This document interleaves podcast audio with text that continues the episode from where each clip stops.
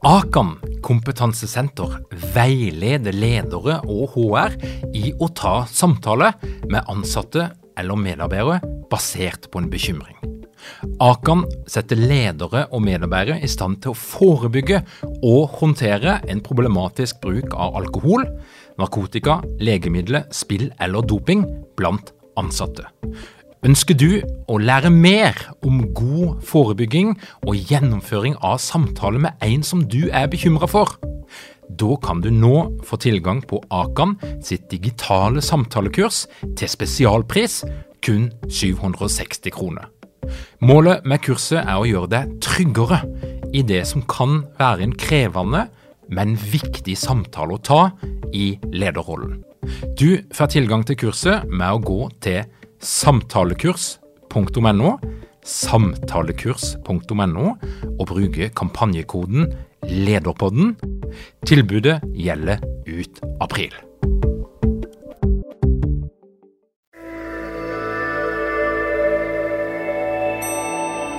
Velkommen til Lederpodden. Dette her er en podkast som handler om ledelse. Mitt navn er Tor Åge Eikerapen. Jeg jobber som organisasjonspsykolog, og i denne podkasten så intervjuer jeg ledere og fagpersoner som har en historie å fortelle. I denne episoden så er temaet endring og det å lede i endring og ikke hvilken som helst endring. Mannen vi skal snakke med i dag, han var veldig involvert når National Oilwell Barco ble ramma av oljekrisa i 2015. og til slutt så ble det faktisk 3500 mennesker som ble oppsagt i den prosessen. Og Dag Nordbø han var ansvarlig bl.a. for å trene de lederne som skulle gå inn i en rekke krevende samtale som handler om at noen skulle miste jobben sin.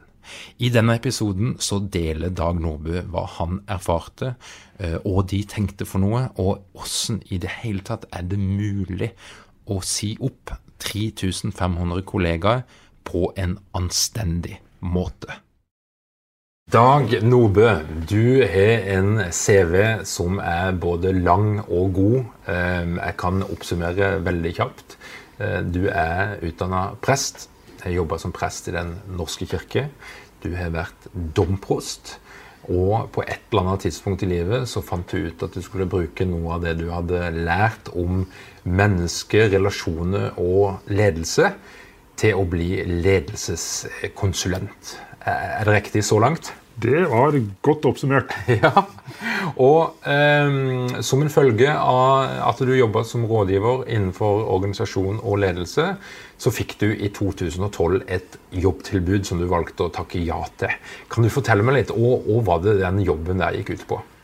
Den jobben gikk ut på at jeg skulle gå inn i det som hadde vært en av mine største kunder, nemlig National Oilwell Varco, med hovedkontor i Kristiansand. men med virksomhet over hele landet. Gå inn i dette selskapet og jobbe, fortsatt jobbe med lederutvikling på alle nivåer. Og også ta ansvar for kommunikasjon internt og eksternt i virksomheten. Og så kunne vi snakka mye om, om åssen eh, det var, og, og, hoppe inn der. Men, men det som er tema for denne podkasten, det er jo endring og ledelse. Og i 2014 så var det eh, noe som skjedde i verden. Vi fikk eh, det som i ettertid er blitt kjent som oljekrisa. Og jeg husker jo sjøl at i, jeg tror det var på slutten av 2014 så tror jeg du eller noen av dine kollegaer var i avisen og, og fortalte at den krisa hadde i hvert fall ikke nådd Kristiansand. For her ansatte vi fremdeles folk i oljebransjen. Det gjorde vi. Vi hadde en um, sen augustdag i 2014 hvor vi ønsket 86 eh, nye medarbeidere velkommen på én dag. Så vi ansatte for fullt også i eh, denne høsten. Og hadde fryktelig mye å gjøre. Vi var 5200 ansatte i Norge og eh, hadde ordrebøkene fulle. Samtidig som vi også så at det kom til å skje noe. Men, men det er helt rett. Vi ansatte folk, og vi trengte dem. Mm.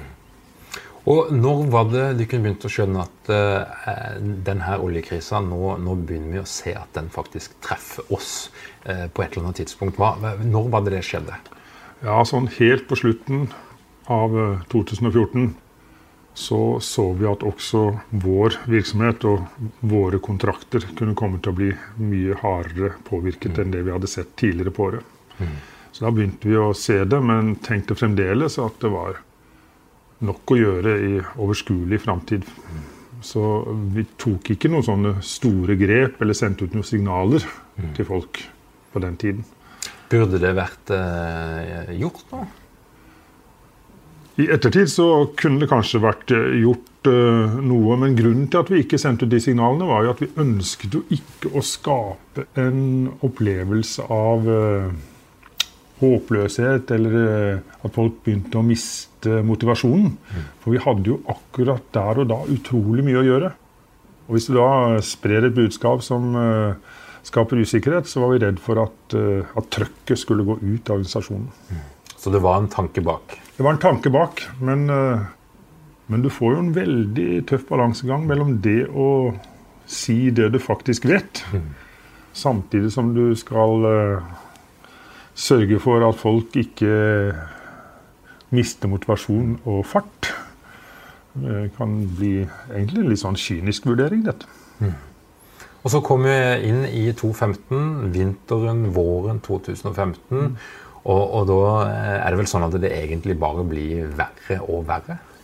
Det gjør det. Når uh, tidlig senvinter 2015 så skjønte og forsto også at vi også kom til å bli ganske hardt rammet. Da startet arbeidet med å forberede en, uh, en um, det som skulle bli en stor oppsigelse det var ikke det vi gikk ut og sa på dag én, men vi startet arbeidet ganske tidlig da med å forberede organisasjonen på at her blir det endringer.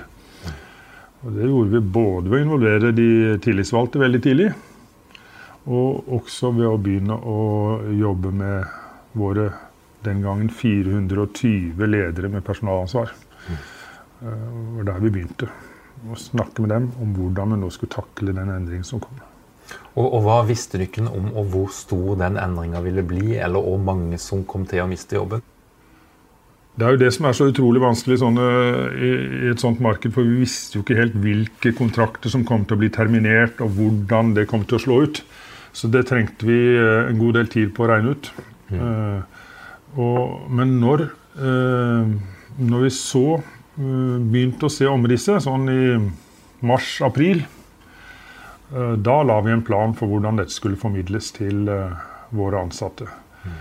Og, og, tallene vi fikk opp, var jo egnet til å skremme vannet både av, av ledere og av ansatte. Mm.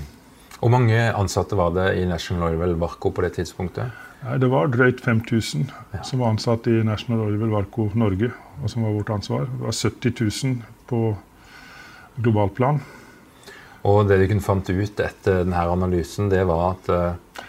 Ja, uh, vi var jo opptatt av at dette skulle formidles til alle samtidig. At det ikke skulle liksom lekke ut. Mm. Så vi holdt et allmøte da i mai uh, 2015, hvor Tor Henning Ramfjord, vår konserndirektør, gikk på scenen i Kristiansand med alle som jobbet der, i, foran seg. og med TV-sending til alle andre kontorer i Norge. Og kunngjorde da at nå hadde man vært nødt til å gjøre et vedtak på reduksjon av arbeidsstyrken. Og, og antallet som må gå hos oss i løpet av de neste månedene, er 1500 mennesker. Mm. Da skal jeg love deg at det var eh, blant de mange hundre som satt live der, mm. så var det ikke Det gikk et sukk gjennom forsamlingen, og så ble det helt stille. Det var en utrolig tøff beskjed å gi. Til mennesker som i mange, mange år bare hadde opplevd opptur, nye ordre, nye topper. Det var liksom en, en ganske fremmed uh, opplevelse for svært mange. Selvfølgelig noen har, man har opplevd noen svingninger i markedet. Det var noe i 2008 og 2009, men, men det er ingenting i nærheten av dette. Og, og, og var det som, eh, Når dere planla dette her allmøtet, som ble ganske en, en, viktig arena, og hva det dere tenkte på, og hva, og hva målet? Var det kun å få gitt den informasjonen, eller var det noen andre hensyn som var viktig å ta? Nei, det var, eh, det var flere hensyn. Det ene var å få sagt det først til våre eh, medarbeidere, så ingen skulle lese om dette i avisa eller høre det via andre kanaler. Det greide vi. Men punkt to, som er kanskje vel så viktig, det var at vi sammen med det å si at 1500 skulle miste jobben, at vi greide å formidle at nå, det som kommer til å skje nå, det er at vi kommer til å ha et veldig sterkt fokus på at alle, både de som beholder jobben og de som skal miste den, skal oppleve å bli behandlet med verdighet og respekt. Vi skal, følge, vi skal ikke bare følge reglene. Vi skal faktisk uh, gjøre mer enn det. Vi skal uh, følge opp på en slik måte at det å miste jobben i NOV, det skal uh, ikke bare være å få en å gå ut døra og farvel, men det skal også være å få hjelp til å finne nye muligheter. Mm. Det, var, det, hadde vi vedtatt allerede da. Mm. Vi, skal, vi skal ikke tilby feite sluttpakker, men vi skal tilby et løp der den som må gå ut, også får hjelp til å gå inn i noe annet. Og eh, det var jo et ganske høyt ambisjonsnivå å gå ut med, spesielt for så mange mennesker. Ja. I hvilken grad vil du si at du kunne lykkes med den ambisjonen?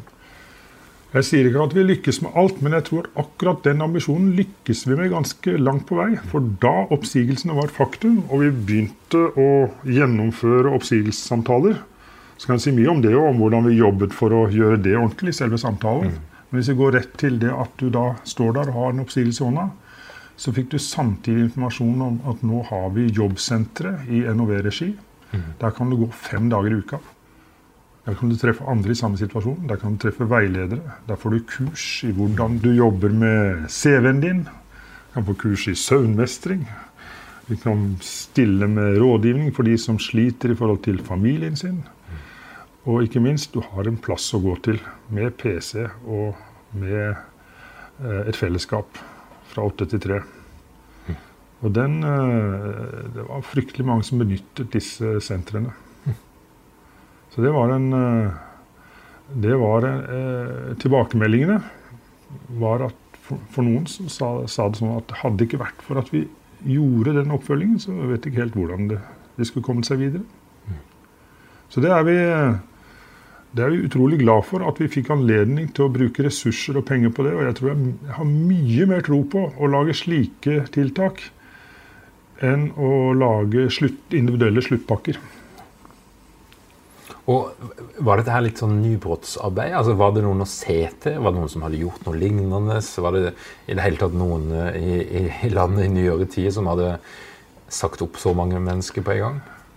De, um, de vi brukte til å hjelpe oss, også advokater og andre som var hva skal vi si, veldig erfarne innenfor eh, oppsigelse i store organisasjoner, sier at det vi endte på, nemlig 3200 oppsagte på 15 måneder, er den største oppsigelsen i et firma i Norge noen gang uten bruk av sluttpakker.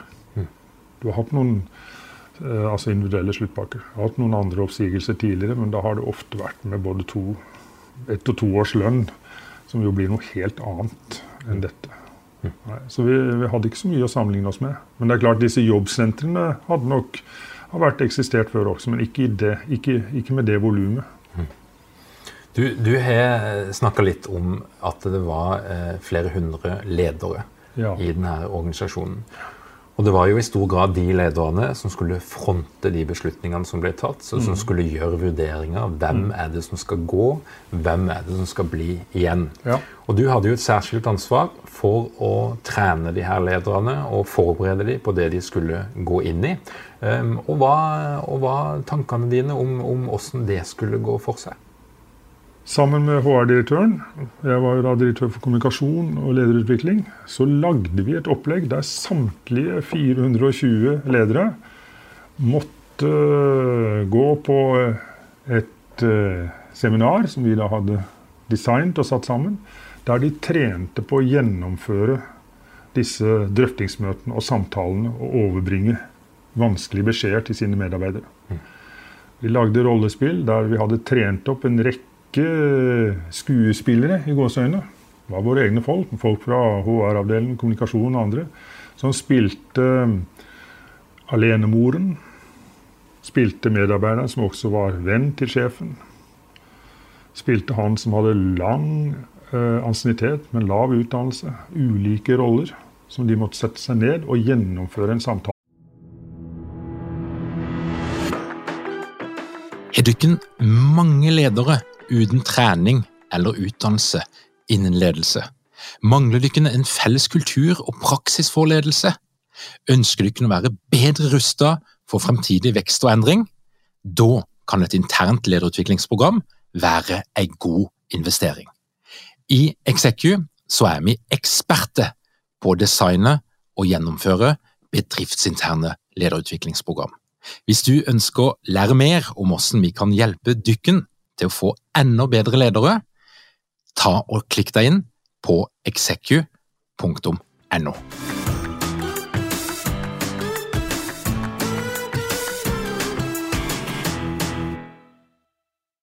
Amatører til stede. Det var utrolig virkningsfullt og sterkt. Den eh, praktiske treningsbiten gjorde vi på en slik måte at veldig mange av våre ledere følte at de hadde fått, fått en erfaring med eh, og fått en erfaring og også fått eh, faktisk hjelp til å se hva det var de skulle inn i. I tillegg hadde vi jo en, fikk de jo selvfølgelig innføring i arbeidsrett, og de fikk innføring i i, i, psykologiske mekanismer rundt hvordan folk som opplever store endringer, ofte reagerer. Så, vi, så det, var en, det, var et kurs med mange elementer. Men dette brukte vi masse tid på. Brukte faktisk eh, nesten to måneder på å trene lederne våre. Mm. Før de fikk lov å slippe ut i det vi kan kalle skarpe oppdrag. Og Hva er det som kan gå galt, da? Og hva er det du kunne ønska å unngå med denne treninga?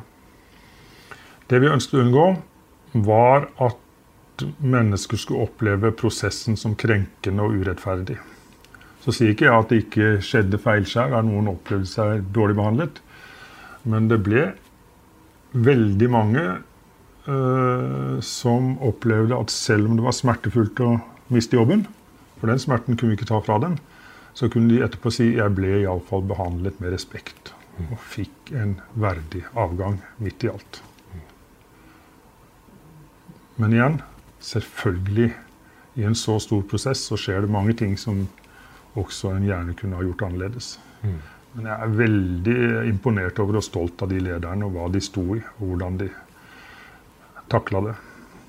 Vi hadde også i etterkant av dager hvor de hadde hatt mange samtaler, så hadde vi tilbud om debrifing på slutten av dagen hvor de kunne møte hverandre sammen med en fra HR og, og gi litt uttrykk for erfaringer og få tømt seg litt. og få støtte på ting de hadde sagt eller gjort.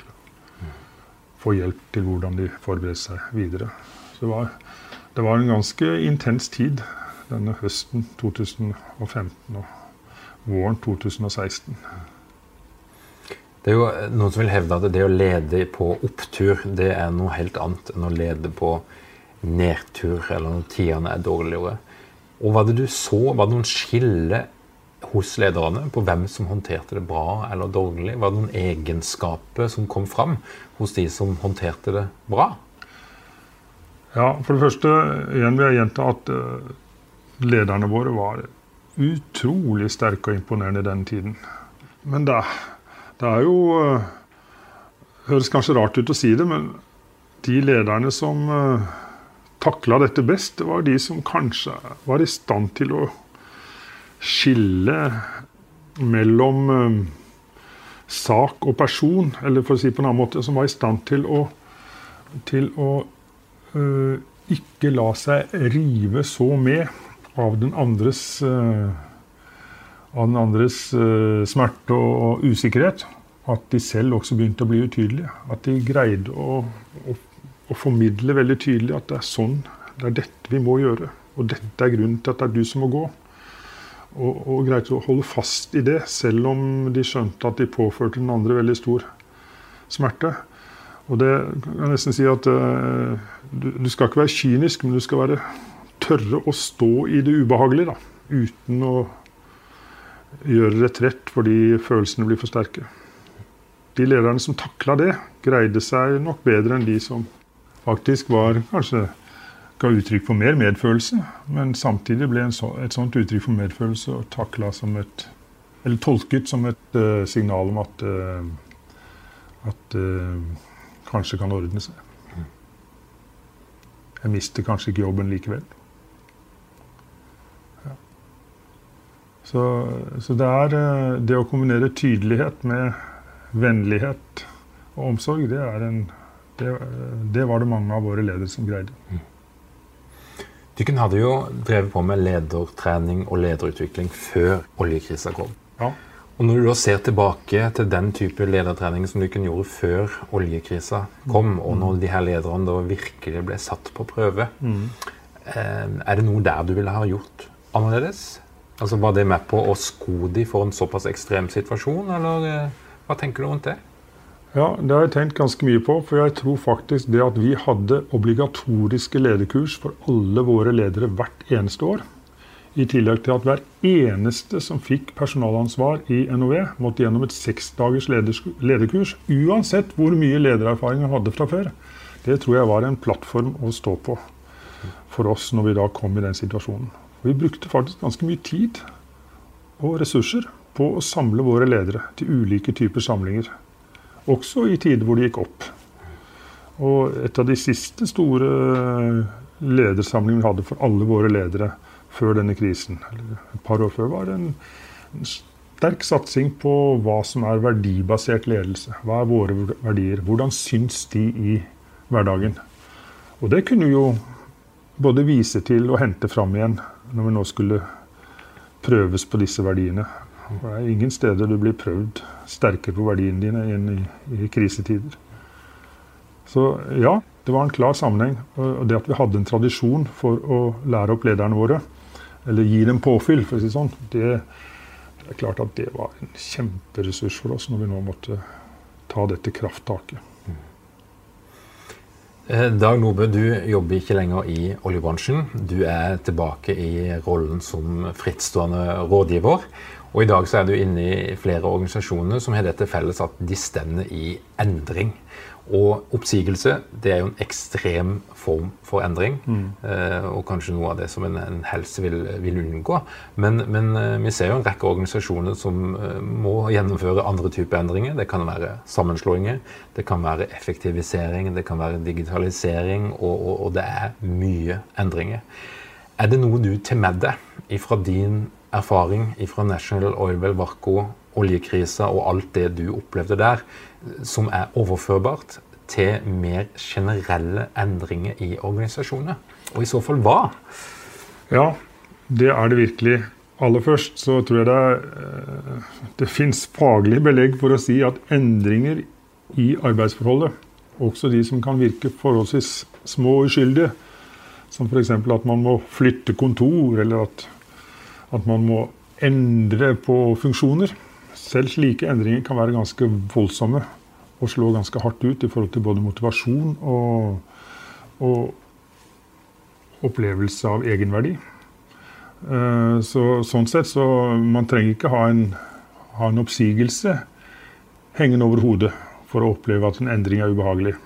Det, det er viktig å si. Eh, og så tenker jeg at uh, en av de største fellene man kan gå i som leder, det er å ikke forstå akkurat det. At en endring, selv små endringer, som å gå fra cellekontor til åpent landskap, kan være en aldeles voldsom ting. Selv om du ikke ser det. Så det å ha respekt for den andres reaksjon Sier ikke at du skal legge deg flat eller være, enig i alle protester eller, som kommer men du skal ha respekt for det. Det å ha innlevelse Igjen ikke i form av eh, overdreven vennlighet og sympati, men innlevelse i det å forstå den andres perspektiv. Det er en erfaring som vi brukte masse i denne store nedbemanningsprosessen, men som også gjelder i, i, i mindre mindre endringsprosesser også. Mm. Ikke tolk motstand som boikott. Ikke tolk frykt som uh, en form for uh, feighet eller, eller reaksjonære holdninger. Som man ofte tenker at dette er folk som ikke gidder å endre seg. Prøv å se bakenfor. Det er, godt lederskap handler hele tiden om å se bakenfor. Det er jo norsk oversettelse av respekt. Se en gang til. Det er det det betyr på latin. Og det tenker jeg er eh, helt vesentlig i god endringsledelse. For vi ledere har jo som regel mye mer informasjon enn alle andre. Større forutsetning for å skjønne hvorfor. Og så tror vi, begår vi også den store feilen å tro at alle skjønner hvorfor. For det har vi jo sendt ut tre mailer om og sagt på to allmøter. Så da skjønner jo alle det. Det vet de. Og så er det jo ikke slik. Ting må gjentas, og ting må forklares. Og du må gidde å høre på um, også folk som spør om noe du har sagt. Og svare ordentlig, selv om du syns du burde ha seget inn. Det er, jeg tenker det er helt avgjørende. Og, den som forstår hvorfor, kan tåle veldig mange hvordan. Også de hvordan som ikke er så behagelige. Men hvis du ikke forstår hvorfor, da, da er det fryktelig vanskelig å godta også ganske fornuftige forslag. Vi har jo eh, snakka litt om informasjon og behovet for informasjon mm. i en endringsprosess.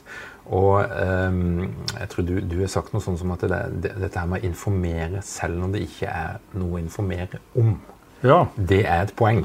Og det fikk vi noen veldig kan nesten si dyrekjøpte erfaring på. For det, der bomma vi litt, altså. Iallfall fall den første fasen. For vi tenkte nettopp det at ok, har vi gitt beskjed om at 1500 skal ut, og vi har lovet at det blir en redelig prosess. Det har vi sagt veldig tydelig.